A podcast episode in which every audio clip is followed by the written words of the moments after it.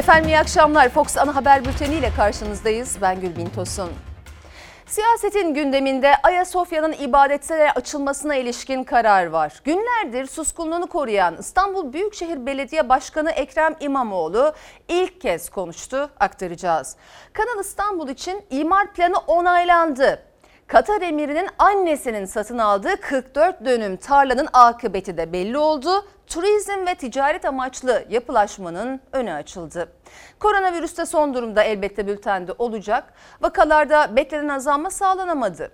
Bir yandan da okullarda eğitimin nasıl olması gerektiği tartışılıyor. Bilim Kurulu üyesi Profesör Doktor Ateş Kara'nın önemli tavsiyeleri var. Hepsi ve daha fazlası birazdan ama ne yazık ki şehit haberiyle başlıyoruz bültene.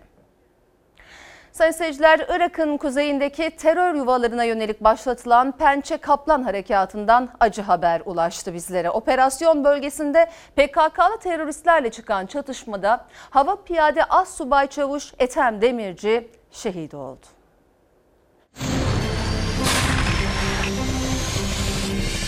Acı haber Irak'ın kuzeyinden geldi. Pençe Kaplan operasyonunda PKK'lı teröristlerle girilen çatışmada Hava Piyade Assubay Çavuş Ethem Demirci şehit oldu. 15 Haziran günü Irak'ın kuzeyindeki terör yuvalarını yok etmek için başlatılan operasyon sürerken harekat bölgesinden yürekleri yakan haberi Türk Silahlı Kuvvetleri paylaştı. PKK'lı teröristlerle güvenlik güçleri arasında çıkan çatışmada yaralanan Assubay Çavuş Ethem Demirci kaldırıldığı hastanede şehit düştü. Çatışmada 3 terörist de etkisiz hale getirildi.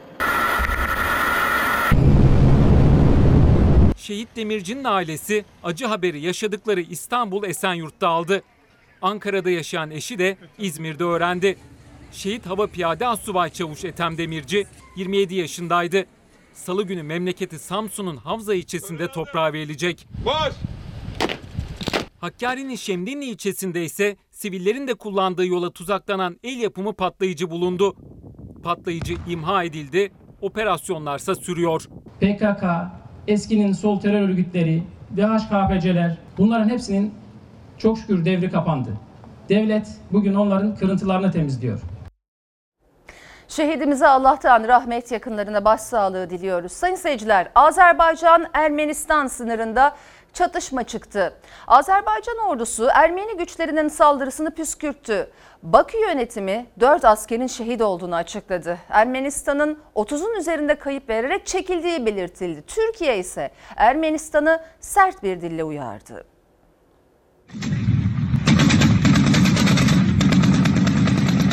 Azerbaycan güçleri saldırı düzenleyen Ermenistan'a ait mevziyi böyle imha etti. Ankara, Erivan'a çok sert tepki gösterdi. Ermenistan haince ve kalleşçe bir saldırıda bulundu. Ermenistan'ın yaptığı kabul edilemez. Aklını başına toplasın. Ve e, Azerbaycan yalnız değildir. Azerbaycan-Ermenistan sınırında çatışma çıktı. Ermenistan ordusu Tovuz bölgesine saldırdı. Gündüz başlayan çatışmalar gecede sürdü. Azerbaycan güçleri saldırıyı püskürttü. Ermenistan en az 30 kayıp verdikten sonra çekilmek zorunda kaldı. Azerbaycan çatışmalarda 4 askerin şehit olduğunu, 4'ünün de yaralandığını açıkladı. Azerbaycan'ın Tovuz bölgesine Ermenistan tarafından gerçekleştirilen saldırıyı en ağır şekilde kınıyorum. Saldırıda şehit olan Azeri kardeşlerimize Allah'tan rahmet diliyorum. Ankara saldırıya sert tepki gösterdi. Ermenistan'ı uyardı. Tüm imkanlarımızla Azerbaycan'ın yanındayız. Toprak e, bütünlüğünün korunması konusunda da bundan sonra elimizden gelen tüm desteği vereceğiz. Sınır hattında gerginlik sürerken Rusya'da taraflara ateşkes çağrısı yaptı. 15 Temmuz'un yıl dönümüne iki gün kala Cumhurbaşkanı ile CHP arasında FETÖ polemiği alevlendi. Erdoğan bir dergiye verdiği röportajda 15 Temmuz'un da en büyük destekçisi CHP'dir ifadesini kullandı. Kılıçdaroğlu'nun kurmaylarından da aynı sertlikte yanıtlar geldi.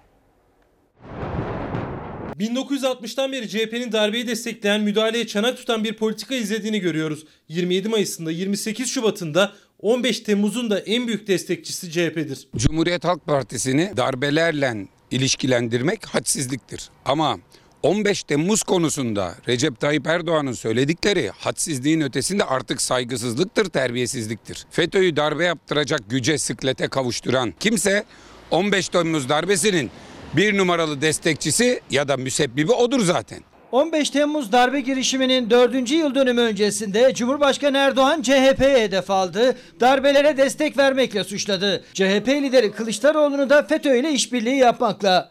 CHP cephesinden tepkiler aynı sertlikte geldi, tansiyon yükseldi. CHP Genel Başkanı tankların üstüne çıkmak yerine darbecilerle anlaşıp tankların arasından kaçmayı tercih etti. Kemal Kılıçdaroğlu niye tankın üzerinde değildi? Sanki hepsi tankın üstündeymiş gibi üstten üstten konuşuyorlar. Sen çıkmışsın bize yer kalmadı. CHP Genel Başkanı 15 Temmuz gecesine dair şüphe bulutlarını artık dağıtmalıdır. O gece kimlerle konuştuğunu, kimlerle hangi pazarlıkları yaptığını öncelikle kendisinin anlatması gerekir. açığa kavuşturulmamış, üzerinde şüphe bulutları olan esas sizin ve çevrenizdekilerin bu darbedeki rolüdür. O gün kimin nerede olduğunu, kiminle konuştuğunu gösteren kayıtları açıklayın. SETA Vakfı tarafından çıkarılan Kriter dergisine röportaj verdi Erdoğan. Kılıçdaroğlu'nun 15 Temmuz'daki tutumuna ilişkin soruyu yanıtlarken CHP lideriyle FETÖ bağlantısından şüphe bulutlarından söz etti. CHP sözcüleri de 15 Temmuz'dan bugüne yaşananlarla karşı taarruza geçti. 15 Temmuz sonrasında kullandığı FETÖ jargonuyla o gece yaşananlar arasında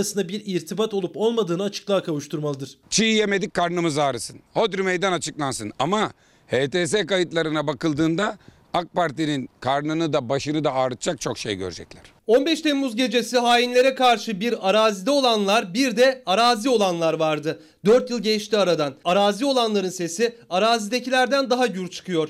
Tüm üst düzey kamu yöneticileri ve siyasilerin HTS kayıtları arşivde tozlanıyor. 15 Temmuz'un yıl dönümü öncesinde AK Partili Şamil Tayyar da 15 Temmuz'da arazide olanlar ve arazi olanlar diyerek üst düzey kamu yöneticilerinin HTS kayıtlarının açıklanmasını istedi. Ahmet Davutoğlu'nun başbakanlık yaptığı dönemde CHP ile yürütülen koalisyon görüşmelerine ilişkin açıklamaları da dikkat çekti. 7 Haziran seçimlerinden sonra MKK'yı topladım. Cumhuriyet Halk Partisi ile koalisyon kuralım dediler. Ve Sayın Cumhurbaşkanı da bana yetki verdi. Gördüm ki çok rahat yürüyebilecek bir ilişki biçimi değil. Yoksa kurulsa ve kurumsal bir şekilde bu yürüseydi 15 Temmuz gibi yaşanan o acı olaydan önce tedbirler alınabilirdi belki. FETÖ'ye yönelik operasyonlarda sürüyor. İtirafçılarsa Türk Silahlı Kuvvetleri'ne sızarken FETÖ'nün izlediği yolları, kurdukları hain tuzakları anlattı. Terör örgütünün Gata'daki yapılanması sayesinde sağlıklı olan pilotların yanlış teşhisler ve ilaçlarla kurulan kumpaslarla Türk Silahlı Kuvvetleri'nden uzaklaştırıldığını anlattılar. Polis arabalarını vuruyorum doğru mu? Polisleri vur polisleri evet. FETÖ yapılanmalarına darbe vurulmaya devam ediliyor. Adana merkezli 7 ili kapsayan operasyonda 24 kişi hakkında gözaltı kararı verildi. Aralarında hemşirelerin de olduğu şüpheliler gözaltına alındı.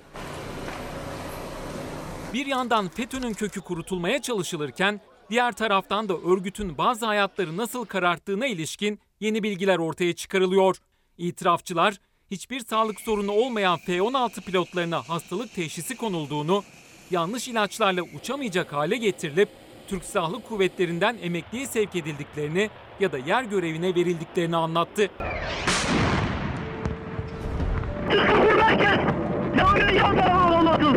FETÖ teröristleri 15 Temmuz gecesi kullandıkları F-16'lardan birçok önemli noktaya ve halkın üzerine bomba yağdırdı. Darbe girişimi sırasında en çok can kaybına yol açan onlardı. İtirafçı FETÖ'cüler o pilotların nasıl seçildiğini, örgüt üyesi olmayanlarınsa sinsi kumpaslarla Türk Silahlı Kuvvetleri'nden nasıl elendiğini bir bir anlattı. FETÖ örgüt içine çekemediği askeri öğrencileri devre dışı bırakmak, aktif görevde olan pilotları engelleyebilmek için GATA'daki yapılanmasını kullandı. Sağlıklı öğrencilere mitral kapak yetmezliği, yüksek tansiyon, aort damarı genişlemesi gibi aslında olmayan teşhisler konuldu. Örgüt üyeleri hiçbir sağlık sorunu olmayan pilotları görevinden uzaklaştırmak için de yüksek tansiyon teşhisi koyarak kalp damarlarını genişletme özelliğine sahip tansiyon ilaçları yazdı.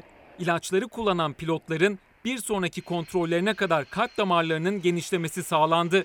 Yapılan muayene sonrasında da kalp damarları genişlediği için uçamaz raporu verildi. Askeri okula girmesine engel rahatsızlığı bulunan FETÖ mensuplarına da sağlam raporu hazırlanarak Türk Silahlı Kuvvetlerine girmeleri sağlandı. Sayın seyirciler Yargıtay 16. Ceza Dairesi iş adamı Fettah Taminci hakkında nitelikli dolandırıcılık, zimmet, güveni kötüye kullanma ve FETÖ üyeliği suçlarından verilen takipsizlik kararlarını bozdu. Başvuruyu Adalet Bakanlığı yapmıştı. Şimdi dosya yeniden açılmak üzere Antalya Cumhuriyet Başsavcılığına gönderildi. Ve devam ediyoruz. Sayın seyirciler Ayasofya'nın ibadete açılmasına ilişkin karar siyasetin gündeminde. İktidar cephesinden yabancı ülkelerden gelen tepkilere karşı ses yükselirken muhalefettense iktidara uyarılar vardı. İstanbul Büyükşehir Belediye Başkanı Ekrem İmamoğlu da ilk kez konuştu kararla ilgili. Ayasofya'da zaten ezan okunuyor, zaten namaz kılınıyor dedi. Bir kere Danıştay'ın kararı hayırlı olsun. Türk halkına fayda getirecekse, mutlu edecekse, uluslararası alanda itibar kazandıracaksa elbette yanındayım diyorum. Açılmasa daha iyiydi diye görüş belirten olabilir. Saygı duyarız. Ama Türkiye'nin egemenlik hakkına müdahale edici şekilde yapılan yorumları da şiddetle reddediyoruz. Ayasofya insanlık mirasıdır. Hiçbir şekilde hamasi bir havaya girmeden kesinlikle din çatışması haline gelmemesi gerektiği hususu önemli. Türkiye'nin Ayasofya kararı dünya gündeminde tartışılırken Dışişleri Bakanı Çavuşoğlu batıdan yükselen karşı seslere egemenlik hakkımız diye yanıt verdi. İstanbul Büyükşehir Belediye Başkanı İmamoğlu Ayasofya'da zaten ezan okunuyor derken Cumhurbaşkanı'nın bir yıl önce kurduğu cümleleri gündeme getirdi. Ayasofya'da 5 vakit ezan okunuyor. İçindeki Abdülmecit Mescidi'nde namaz da kılınıyor. Bu konuda hassasiyetiniz varsa ve ilk ezan okundu, ilk namaz 24 Temmuz'da diyorsanız çok vahim. Bu toplumun kaygıları var. Bir yıl önce bu kaygıları dile getiren Sayın Cumhurbaşkanı. Ne değişti? Özellikle Müslüman kitlenin, Müslüman kardeşlerimizin hatta halkımızın bireylerinin yaşadığı tehditler giderildi mi? Burada bizim sabırla anlatarak kesinlikle bunu bir Doğu Batı İslam Hristiyan çatışmasının bir parçasıymış ve bunun yansımasıymış gibi göstermemek lazım. Bu konularda en son yorum yapacak ülke Yunanistan'dır. Bugün Batı Trakya Türklerinin yaşadığı zulmü biz görüyoruz. Başkentte Olmayan. de cami olmayan tek ülke Yunanistan. Yunanistan, ABD, UNESCO ve Vatikan'dan yükseldi tepkiler. Cumhurbaşkanı Erdoğan da Rusya Devlet Başkanı Putin'le telefonla görüştü. O görüşme sonrası Kremlin'den yapılan açıklamaya göre Putin Erdoğan'a Ayasofya'nın ibadete açılmasının Rusya'da büyük tepki yarattığını söyledi. Cumhurbaşkanı da Rus lidere Hristiyanlar için kutsal olan yerlerin korunacağını ve isteyen herkesin Ayasofya'ya girebileceğini. Burası 481 sene cami olarak hizmete açık mıydı? Açıktı. Hiç bozuldu mu? Bozulmadı. Bu konuda zaten biz herkesten hassasız. Bundan sonra atacağımız adımlar konusunda da UNESCO'yu zaten bilgilendireceğiz. Biz gizli saklı bir şey yapmıyoruz. Yıkılmış Osmanlı'nın hukukuna dayanarak Cumhuriyet'in hukukunu yok saydı. Yarın bir gün yok olmuş padişah iradesine göre birileri daha hak iddia ederse, Osmanlı dönemindeki malını mülkünü talep ederse ne olacak? CHP sözcüsü Faik Öztürk, Danıştay kararının hukuki başka tartışmaları doğuracağını söyledi. Danıştay'daki Ayasofya duruşmasında Cumhurbaşkanlığı avukatının talebini, Cumhurbaşkanlığı avukatı 1934 tarihli Bakanlar Kurulu kararının iptali için açılan davanın reddini istedi. Ayasofya'nın ibadete açılmasına ilişkin alınacak kararın yetkisi yürütmede diyerek. Bir yandan 1934'te yürürlüğe konulan Bakanlar Kurulu kararı iptal edilmesin diye Danıştay'a savunma verirken diğer yandan da Ayasofya dik duruşumuz sayesinde ibadete açıldı diye caka sattılar. Hadi orada. Yapılanın adı siyasi riyakarlıktır. İki yüzlülüktür. Cumhurbaşkanı Erdoğan'ın Ayasofya'nın müzeye çevrilmesiyle ilgili karar için kullandığı tarihi ihanet ifadesi günlerdir tartışılıyor. CHP Erdoğan'ı Atatürk'e hakaretle suçlarken bugün AK Parti sözcüsü Ömer Çelik'ten açıklama geldi. Cumhurbaşkanımızın sözlerinin Atatürk'e karşı olması düşünülemez dedi. tek parti döneminde alınan bu karar tarihe ihanet olmanın yanında hukuka da aykırıydı. Mustafa Kemal Atatürk'e hakaret ettiniz. Cumhurbaşkanımızın e, sözlerinin Türkiye'nin kurucu lideri Gazi Mustafa Kemal Atatürk'e karşı olması düşünülemez. Cumhurbaşkanının sözlerine iki gün sonra AK Parti sözcüsünden açıklama geldi. Erdoğan 1934 tarihli Ayasofya'yı müzeye çeviren kararı ihanet olarak yorumlamıştı. O kararın altında da Atatürk'ün imzası var. Muhalefet Erdoğan'ın Atatürk'e hakaret ettiğini iddia etti. Fatih Sultan Mehmet Han Ayasofya'yı da içeren vakfiyesinin bir yerinde kim bu Ayasofya'yı camiye dönüştüren vakfiyemi değiştirir? En büyük haramı işlemiş ve günahı kazanmış olur. Bugün alınan karar aynı zamanda Fatih'in işte bu ağır bedduasından kurtulmamızı sağlamıştır. İstanbul'un anahtarını emperyalistlere bırakıp kaçan Vahdettin, Fatih Sultan Mehmet Han'ın kılıç hakkından vazgeçmiştir. Ama Gazi Mustafa Kemal Atatürk liderliğinde milletimiz Osmanlı Hanedanı'nın vazgeçtiği o hakkı söke söke geri almıştır. Türkiye'de Atatürk'ün verdiğinin verdiği kararların arkasına saklanarak, Atatürk'ün verdiği kararları istismar ederek millete çektirilmiş çok acı vardır. Burada mesele Türkiye'nin ilk Cumhurbaşkanıyla şimdiki Cumhurbaşkanı arasının görüşlerini karşı karşıya getirmek değildir. Bir ihanet varsa rant uğruna ecdadın emaneti İstanbul'a ihanet hançerini saplayan sonra da utanmadan sıkılmadan İstanbul'a ihanet ettik diyenlerdedir. Cumhurbaşkanımızın e, sözlerinin Türkiye'nin kurucu lideri Gazi Mustafa Kemal Atatürk'e karşı olması düşünülemez. Bu alınan o karardan sonra Ayasofya'nın tekrar camiye çevrilmesini idam kararı sayacak yargılamaların söz konusu olduğu, bunun adeta bunun dışında bir görüş belirtmenin suç olduğu bu 86 yıl içerisindeki tarihi kötü mirasla ilgilidir. AK Parti sözcüsü Ömer Çelik Erdoğan'ın ihanet sözüyle Atatürk'ü kastetmediğini söyledi ama tartışma daha uzun süre devam edecek gibi. Muhalefetin değişmeyen gündemi ekonomi. Hazine ve Maliye Bakanı Berat Albayrak'ın sanayi üretimine ilişkin rakamlarla çizdiği iyimser tabloda muhalefetin hedefindeydi.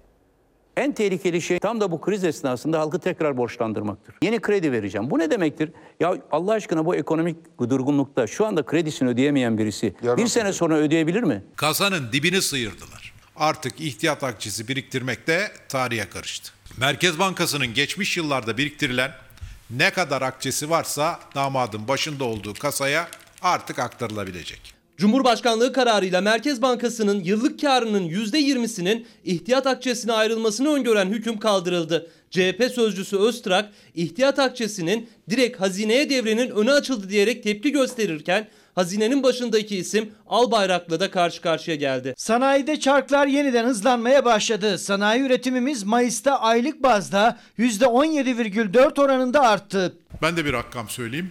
Mayıs ayında geçen yıla göre sanayi üretimi %30,6 daralmış. Hizmetlerdeki ciro düşüşü ise %24,8 olmuş.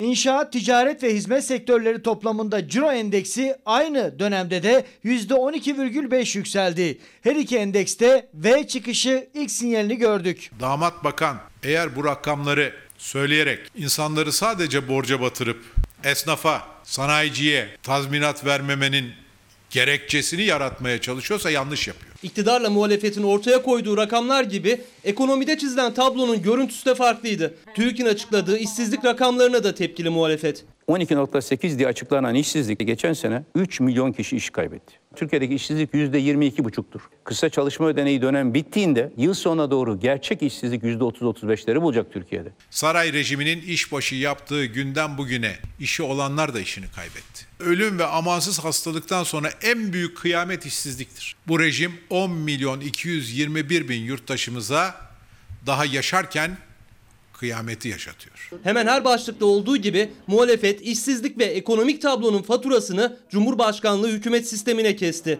Emekli ikramiyesi için çağrıyı yineledi. Emekliye bu bayramda en az 1500 lira bayram ikramiyesi verin. Mevcut ikramiyenin üstüne maaş farklarını koyup emeklilerimizi kandırmaya kalkmayın.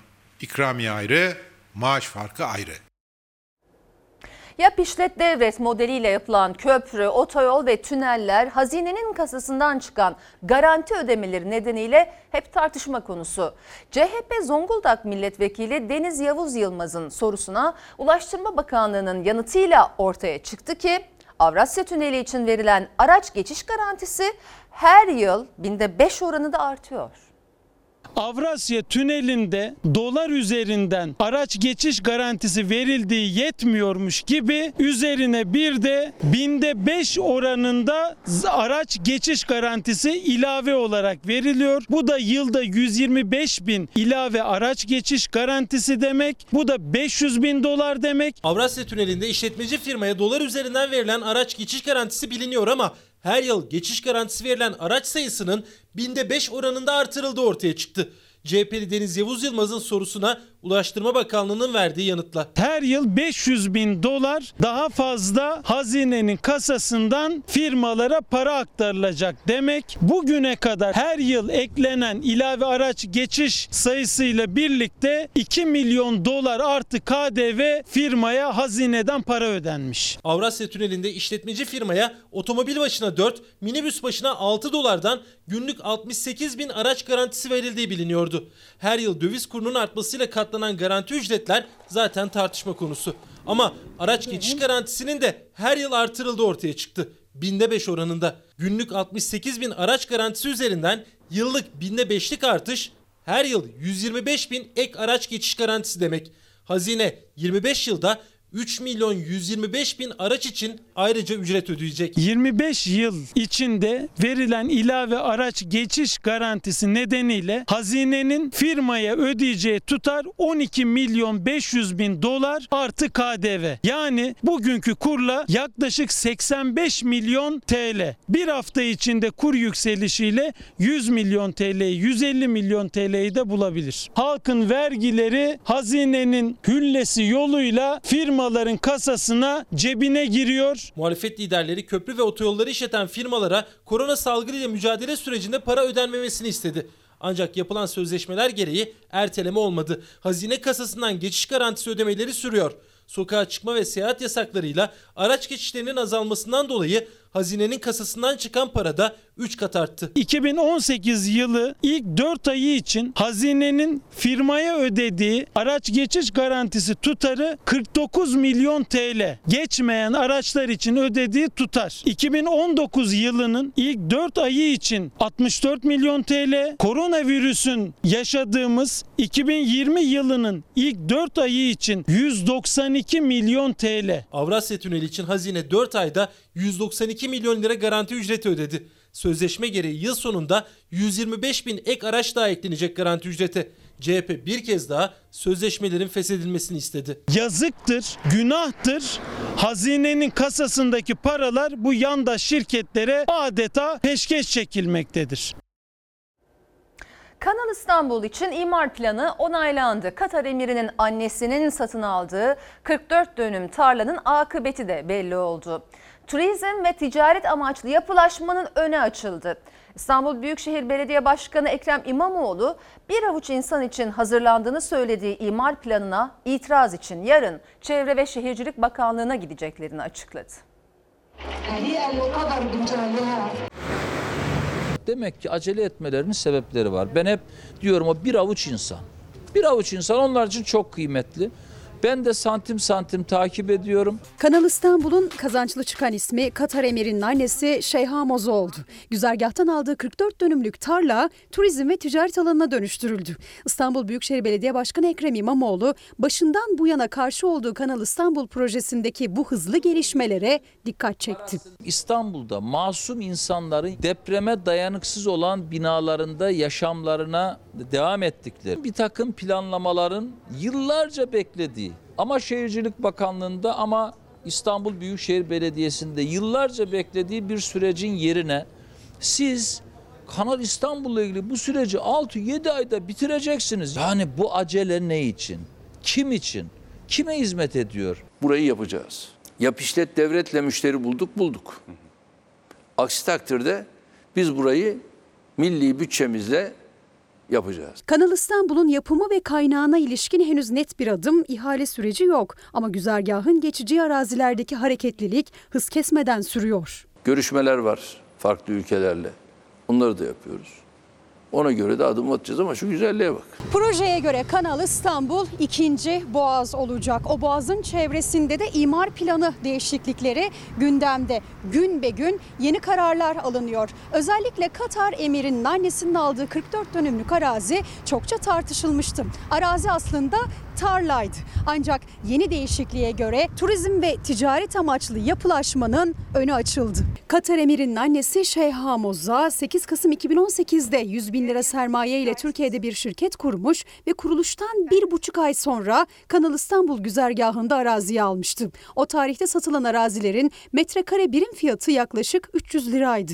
Kanal İstanbul aslında Kanal İstanbul değil Katar İstanbul'muş. Ha bu kanalın suları da birilerinin keselerinin hazinelerine doğru akacaksa onu bilemiyorum. CHP ve İyi Parti'den yükselen eleştirilere, çevrecilerin itirazlarına rağmen Çevre ve Şehircilik Bakanlığı 2 Temmuz'da askıya çıkardığı imar planını onayladı.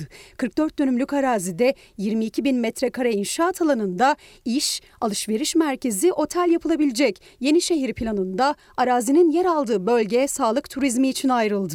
hiçbir yatırım, hiçbir bütçe kullanımı bir şahsa ya da bir siyasi partiye ait değildir. İstanbul Büyükşehir Belediye Başkanı Ekrem İmamoğlu da Çevre ve Şehircilik Bakanlığı'na gidecek. Kanal İstanbul olduğu gibi plan değişikliklerine de itiraz edecek. Ama Katarlıdır, ama şu ülkelidir, ama bu ülkelidir. Bu planların bir avuç insan için hazırlandığını, İstanbul'un katli anlamına geldiğini, İstanbul'a bugüne kadar yapılan ihanetlerin milyonlarca kat daha fazlası olduğunu iddia ederek e, itirazımı yapacağım. Hukuksal zeminde İstanbul halkının e, bu ihanete uğramasını e, asla izin vermeyeceğiz. Katar tartışması Ankara'da Türkiye Büyük Millet Meclisi'nde de vardı. Ama bu kez de Saros Körfezi üzerinden. Katar bu doğalgaz sevdanızın neresine düşüyor? Ya da Katar sevdanız için mi dünyanın en güzel denizlerinden olan Saros'u feda ediyorsunuz? Artvin'de sel felakete yol açtı. Selle birlikte yaşanan heyelanda Yusufeli Barajı'nın şantiyesi savaş alanına döndü. Bazı işçiler canlarını zor kurtarırken aracından indiği sırada sele kapılan bir çalışan hayatını kaybetti. Selde kaybolan otomobilin içindense 3 kişilik ailenin cansız bedenleri çıkarıldı. Oradan çıkın! Çıkın çıkın buraya mı gelin buraya mı? Şiddetli sağanak Artvin'e felaket getirdi. Dünyanın en yüksek 3. barajını yapan şantiyeyi sel vurdu. Sele kapılan inşaat çalışanı hayatını kaybetti. İçinde 3 kişilik bir ailenin bulunduğu otomobilden de kara haber ulaştı. İçinden çık oğlum ya. İçinden atla lan atla aşağı be. Saat 19.30 sularıydı. Artvin'de şiddetli sağanak sonrası sel ve heyelan meydana geldi. Artvin Erzurum Karayolu sular altında kaldı. Sel 6 Haziran'da Cumhurbaşkanı Erdoğan tarafından açılışı yapılan Yusufeli Barajı'nın inşaat alanını da yıktı geçti. İş makineleri, otomobiller sulara gömüldü. Bazı işçiler kaçarak canlarını kurtardı. Allah'ım ya Rabbim ya Resulallah ya. Ula ula ula ula. Sel sırasında şantiye çalışanı 59 yaşındaki Musa Taşdemir kendi otomobiliyle seyir halindeydi. Yaklaşan felaketi görünce son anda aracından indi ama selle birlikte sürüklenmeye başladı. Arkadaşları yaralı kurtardı Taşdemir'i. Taşdemir hastaneye sevk edilirken yolda hayatını kaybetti. Aynı dakikalarda 53 yaşındaki Mustafa Sönmez de eşi Müşerref Sönmez ve çocukları 16 yaşındaki Salih şantiye yakınlarındaki otomobille sele kapıldı. Haber alınamayan otomobil yaklaşık 17 saat sonra toprak yığınları altında bulundu. 3 kişilik ailenin cansız bedenleri çıkarıldı araçtan. Sel Ağrı'nın Dumanlı köyünde de can aldı. Koyun otlatan 12 yaşındaki Ali Osman Eytemiş sele kapılıp yaşamını yitirdi. Rize'de sabah başlayan şiddetli sağanak sonrası İkizdere Deresi'nin taşmasıyla kenti Erzurum'a bağlayan karayolu ulaşıma kapandı. Selde sürüklenen ağaç parçaları otomobilleri hurdaya çevirdi. Arabayı yan çevirdik, sel bir anda bastı. Allah'tan bu şekilde oldu yoksa burada e, şantiyemiz var, e, yemekhanemiz var. Hiçbir şey kalmayacaktı burada. Öğleden sonra da Çayeli ilçesindeki Ağran Şelalesi böyle taştı. Bingöl'ün Karlova ilçesinde taşan dere Covid-19 nedeniyle karantina altındaki mezrayı sular altında bıraktı. Hakkari, Van, Bitlis ve Erzincan'da da sağanak yağış sele dönüştü. Çabuk kaç!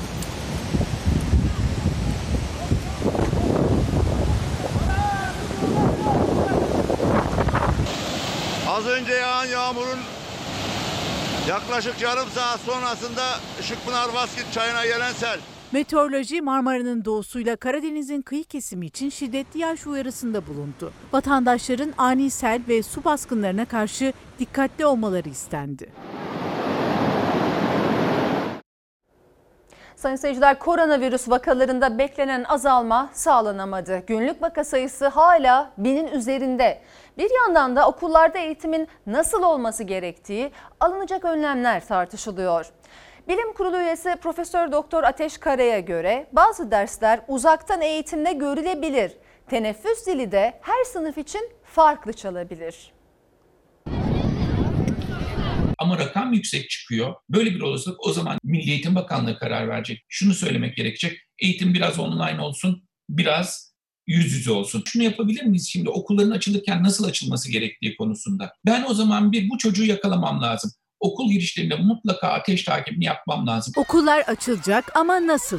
Günlük vaka sayısı binin altına düşmezken uzmanlar bu sorunun cevabını arıyor. Koronavirüs Bilim Kurulu'ndan sınıflar ve öğrenciler arasında dönüşümlü eğitim önerisi gelmişti. Yine Bilim Kurulu üyesi olan Profesör Doktor Ateş Kara'ya göre eğitimin bir bölümü uzaktan, bir bölümü okulda sürdürülebilir. Dönüşümlü eğitimin yanı sıra kademeli teneffüs de öneriler arasında. Eskiden olduğu gibi tüm sınıflar aynı anda teneffüs gibi düşünmememiz gerekecek. İki sınıfın havalanması. Birinci sınıf teneffüse çıkacak, içeriye girecekler. 5 dakika sonra ikinci sınıf. Yani böyle bir kademeli teneffüse çıkartmamız lazım ki sınıflar farklı sınıflarda dışarıda bir araya gelmesin. Sınıf içlerinde bir maskeli olunacak, mesafe gene en az bir metre olması lazım. Okullarda yeni eğitim döneminin 31 Ağustos'ta başlaması planlanırken yeni vaka sayısı hala binin üzerinde. Son tabloya göre 12 Temmuz'da 1012 kişiye daha koronavirüs teşhisi kondu. 19 kişi virüs yüzünden hayatını kaybetti.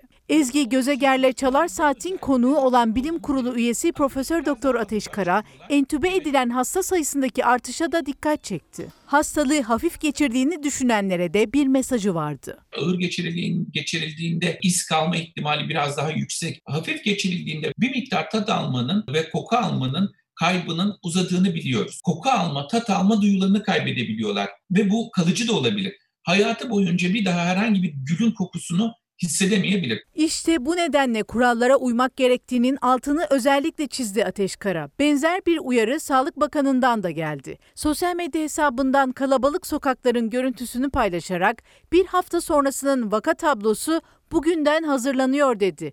Koca son 3 günde ortalama entübe edilen hasta sayısı en yüksek 5 ili İstanbul, Ankara, Konya, Diyarbakır, Bursa olarak açıkladı. Ancak tüm şehirler risk altında. En çok da düğünler ve kutlamalarla.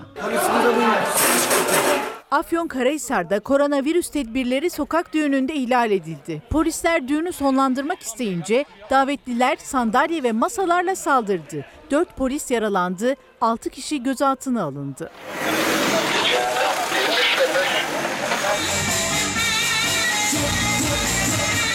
Virüse davetiye çıkaran bir başka düğünde İstanbul Kağıthane'deydi. Sokaktaki dansözlü eğlenceye katılan yüzlerce kişi maskesizdi ve sosyal mesafe yoktu. Tokat'ın Turhal ilçesinde ise düğüne katılan bir kişide koronavirüs tespit edilince test yapıldı. Gelin ve damatla beraber 5 kişinin koronavirüse yakalandığı ortaya çıktı. Düğün videosu izlenerek 70 kişinin de karantinada kalmasına karar verildi. Düğün ve nikahlarda tedbirlerin ihlal edildiğini gören Elbistan Belediyesi ise önlem alınmayan nikahların kıyılmayacağını duyurdu.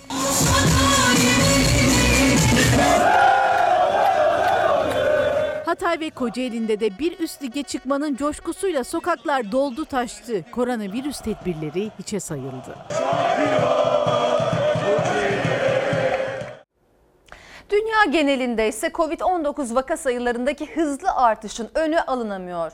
Dünya Sağlık Örgütü son 24 saatte 230 binin üzerinde kişide virüs tespit edildiğini, bunun yeni bir rekor olduğunu açıkladı.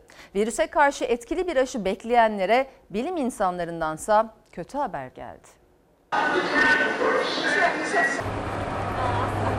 Dünyada 24 saatin vaka rekoru kırıldı. Toplam vaka sayısı 13 milyonu aştı. Virüs üzerindeki yeni araştırmalar endişe verici sonuçlar ortaya çıkardı. Covid-19 salgını normalleşme ile birlikte adeta patlama yaptı. Dünya genelinde vaka sayıları hızla arttı. Bazı ülkeler kısıtlamaları yeniden uygulamaya soksa da henüz artışın önü anlamadı. Dünya Sağlık Örgütü pazar günü 230.370 yeni vaka tespit edildiğini açıkladı. Günlük vaka rekoru kırıldı. Örgüt bir günde hayatını kaybedenlerin sayısının 5000 civarında seyrettiğini duyurdu.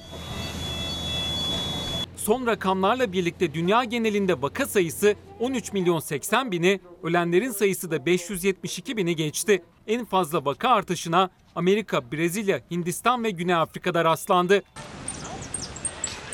Amerika'da günler sonra vaka sayısı ilk kez 60 binin altına düştü. 58.384 olarak gerçekleşti.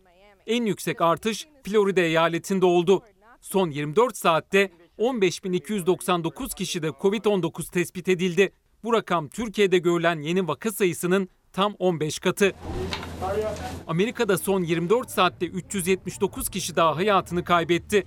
Toplam can kaybı 137.797'ye yükseldi. Covid-19'a karşı aşı geliştirme çabaları sürerken yeni araştırmalardan hiç de iç açıcı sonuçlar ortaya çıkmadı. İngiltere ve Almanya'da yürütülen iki ayrı çalışmada iyileşen hastalarda antikorların birkaç ay içinde yok olduğu belirlendi. Bu iyileşen hastaların yeniden enfekte olabilecekleri demek. Alman uzmanlar yeni sonuçların Covid-19'a karşı etkili bir aşı bulma ümitlerini azalttığı görüşünde. İngiliz bilim insanları da benzer fikirde. Aşının uzun süre koruma sağlayamayabileceği ve insanların gripte olduğu gibi her yıl yeniden hastalanabileceklerini belirtiyorlar. Salgının en çok etkilediği meslek gruplarından biri de ev işçileri oldu. Yaşadıkları hak kayıplarını İMC Ev İşçileri Sendikası raporlaştırdı. O rapora göre bu dönemde büyük bir kısmı işten çıkarıldı. Üstelik kısa çalışma ödeneğinden yararlanamıyorlar, işsizlik maaşı da alamıyorlar. Pandemi döneminde ev işçileri çok zor e, durumdalardı. Çalışamadılar, işten atıldılar, ev kiralarını ödeyemediler, faturalarını ödeyemediler, e, gıdalarını alamadılar. Maalesef ev işçileri e, sokakta kaldı yani. 4 aydır evdeyim. Doğru dürüst işe gidemiyorum. Çok mağdur durumda kaldım. Pandemiden en çok etkilenen iş kolu onlarınki. Koronavirüs salgınının Türkiye'ye sıçramasıyla birlikte işlerinden oldular. Üstelik çoğu tazminatsız işten çıkarıldı. Ev işçileri bu süreçte büyük mağduriyet yaşadı. Yaşamaya da devam ediyor. Kimse beni evine bile almak istemiyor. Ha, Topluma giriyorsun hastalık getireceksin diye. Eşim belediyede çalışıyor. Maaşının yarısı kesildi. Evim kira. Her gün farklı bir yere gidip çalışıyordum. Pandemi döneminde de 4 ay sürecinde de bir yere gidip çalışmadım. Bir gelirim de olmadı. Bir sürü ev işçisi arkadaşlarım var. Hiçbiri geliri olmayan arkadaşlarım. E, elektriğini, suyunu, kirasını veremeyen arkadaşlarımız oldu. Ev işçilerinin yaşadıkları hak kayıplarına dikkat çeken İmece Ev İşçileri Sendikası. Sendikanın hazırladığı rapora göre koronavirüs salgınının ekonomik etkilerini en çok hisseden meslek grubu ev işçiliği. Çünkü evlere günlük ya da haftalık olarak temizliğe giden ev işçilerini ev sahipleri bu süreçte evine almak istemedi. Bu yüzden de büyük bir kısmı ücretsiz olarak işten çıkarıldı. Kayıt dışı çalıştırıldığı için kısa çalışma ödeneğinden de yararlanamadılar. Bizim başka bir yerden bir gelirimiz yok. Sadece e, günübirlik çalıştığımız e, yövmiyelerle, e, günlük aldığımız ücretlerle evimizi geçindiriyoruz. Çalışmaya devam edenler bu süreçte düşük ücretlerle fazla mesaiye zorlandı. Yatılı olarak çalışanlar çalıştıkları evlerde ev sahipleriyle birlikte karantinaya girdiler. Dolayısıyla izin kullanamadılar. Aksine iş yükleri daha da arttı. Hatta bazılarının günlük çalışma süresi 10 saate kadar dayandı. Ev temizliğinin yanı sıra evin yemeğini yapmak, çocuklara ve evdeki yaşlılara bakmak da evin alışverişini yapmak da onların üzerine kaldı. Göçmen ev işçileri de çok sıkıntıdalar. Bunlar e, 7-24 çalışmak zorunda kaldılar çalışanlar. E, izinlerini kullanamadılar, e, aileleriyle görüşemediler. Ev işçileri devlet tarafından işçi statüsünde görülmüyor. Kayıt dışı çalıştırıldıkları için de herhangi bir sosyal haktan da faydalanamıyorlar. İşçi statüsüne alınarak emeklerinin karşılığını almak istiyorlar. Ev işçilerini işçi olarak görünmesini haklarımızın işçiler gibi olmasını istiyoruz. İLO e, C189 imzalanmış olsaydı e, ev işçileri de işçi sayılırdı ve bu kadar mağdur durumda olmazdık. İş güvenliği uzmanları Sakarya'daki havai fişek patlaması sonrası tutuklanan meslektaşları Aslı Bey için siyah baret eylemi yaptı. İş kazalarının sorumlusu bizler değiliz, günah keçisi olmak istemiyoruz diyerek Aslı Bey'in tutuksuz yargılanmasını talep ettiler. Kamuoyu vicdanını rahatlatmak için tutuklanan meslektaşımız serbest bırakılmalıdır. Her iş kazasında bir günah keçisi olmak istemiyoruz. Bizler katil değiliz. Bizler cinayet işlemedik. Başlarındaki siyah baretleri çıkarıp eylem yaptılar. İş kazalarının sorumlusu bizler değiliz dediler. İş güvenliği uzmanları Sakarya'daki havai fişek faciası sonrası tutuklanan meslektaşları Aslı Bey'in bir an önce serbest bırakılmasını istedi. Fabrikada vefat eden işçilere Allah'tan rahmet, yaralılarımıza acil şifalar diliyoruz. Ancak iş kazalarının sebebi iş güvenliği uzmanları değildir. Aksine iş kazalarını azaltacak yegane personel iş güvenliği uzmanlarıdır. Tıpkı hastalıkların sebebinin doktorlar olmadığı gibi. Sakarya'nın Hendek ilçesinde havai fişek fabrikasında 7 işçinin hayatını kaybettiği patlama sonrası tutuklanan fabrika sahibi Yaşar Coşkun sorumluluk bende değil demiş, fabrikada ne kadar mal stoklandığını dahi bilmediğini öne sürmüştü. Uyarılara rağmen işçiler fazla malzeme getirmeye devam ediyorsa işçiler de sorumludur. Bunun kontrolü ve sorumluluğu bende değildir. Tutuklanan iş güvenliği uzmanı Aslı Bey ise denetim eksikliklerini ve yaklaşan tehlikeyi görüp istifa ettiğini iddia etmişti ifadesinde. Uyarılarına rağmen fabrikada önlem alınmadığını da. İşçilerden bana sürekli olarak şikayet gelmekteydi. İşçiler bana burası patlayacak, başımıza bir şey gelecek bir şey yapın diyorlardı. Yapmış olduğum incelemeler sonucunda her şeyi İş Sağlığı Güvenliği Kurulu toplantı tutanaklarına yazmama izin verilmiyordu. Çünkü benim çalıştığım özel işletme bu şirkette çalışmaya devam ediyordu. Benim gücüm de bir yere kadardı. İş güvenliği uzmanları tutuklu meslektaşları Aslı Bey için Adapazarı'nda bir araya geldi, siyah baret eylemi yaptılar. Tutuksuz olarak yargılanmasına devam edilmek üzere Aslı serbest bırakılmalıdır. İş güvenliği uzmanlarına özgürlük, iş güvenliği uzmanı tutuklanamaz. İş kazalarının alınmayan önlemler nedeniyle meydana geldiğini söyleyen uzmanlar Aslı Bey'in tutuksuz yargılanmasını istedi. İş kazaları bir zincirdir. Bizleri dinlemedikleri müddetçe bu iş kazaları olmaya devam edecek. Sakarya ikinci defa patladı. Orada da şehitlerimiz var. Sayın seyirciler Birleşmiş Milletler Nüfus Fonu'nun raporuna göre çocuk yaştaki evlilikler korkunç boyutlarda. Buna dikkat çekmek ve farkındalık yaratmak için fonun Türkiye temsilciliği bir video hazırladı. Birçok ekran yüzü destek oldu. Ve o isimlerden biri de bendim. Ben de gelin daha eşit ve güvenli bir dünya için hep birlikte çalışalım. Çocuk yaşta evlilikleri durduralım diyorum. Ki her 5 çocuktan biri evli. Sadece bugün 18 yaşının altında 33 bin kız çocuğu evlenmeye zorlanacak. Sadece bugün son 24 saatte bile binlerce kız çocuğunun hayalleri elinden alındı. Evliliğe zorlandı. Dünya üzerinde çocuk yaşına rağmen zorla evlendirilen, geleceği yok sayılan milyonlarca kız çocuğu var. Birleşmiş Milletler de bu konuya dikkat çekmek, farkındalık yaratmak amacıyla Fox Haber sunucusu Gülbin Tosun'un da olduğu ünlü ekran yüzlerinden destek istedi. Türkiye ne yazık ki bu uygulamanın yaygın olduğu ülkelerden. Çocuk yaşta evlilikler kız çocuklarına yönelik en zararlı uygulamalardan biri. Birleşmiş Milletler Nüfus Fonu'nun raporuna göre çocuk gelinler diye yumuşatılmaya çalışılsa da gerçekte istismar edilen, hayalleri elinden alınan kız çocukları sadece Türkiye'de değil farklı coğrafyalarda da toplumun kanayan yarası. Türkiye'de şu an 20-49 yaş arasında olan her 5 kadından biri 18 yaşından önce evlendi. 18 yaşından önce evlendirilen her 3 çocuktan biri ise yine çocuk yaşta anne oldu. Çocuk yaşta gebelikler anne ve bebeğin ölüm riskini 2 ila 5 kat arttırıyor. Kız çocukları henüz fiziksel ve psikolojik gelişimlerini tamamlayamadan evlilik yapmaya mecbur bırakılıyor. Çocuk yaşta evlilikler kız çocuklarının yaşam süresini kısaltıyor. Dahası var çocuk yaşta evlilikler kız çocuklarını istihdamdan, eğitimden koparıyor. Potansiyellerini ve hayallerini yaşamasına engel oluyor. Ünlü habercilerin yer aldığı Birleşmiş Milletler Nüfus Fonu'nun farkındalık kampanyasında verilen mesaj çok netti. Gelin daha eşit ve güvenli bir dünya için hep birlikte çalışalım. Çocuk yaşta evlilikleri durduralım. Evet sayın seyirciler birazdan araya gideceğiz ama şunu belirtelim. E, bugüne ait koronavirüs tablosu henüz açıklanmadı Sağlık Bakanı Fahrettin Koca tarafından. E, açıklanırsa eğer bu süre içerisinde ara içerisinde sizlerle paylaşacağız vedalaşmadan önce diyelim.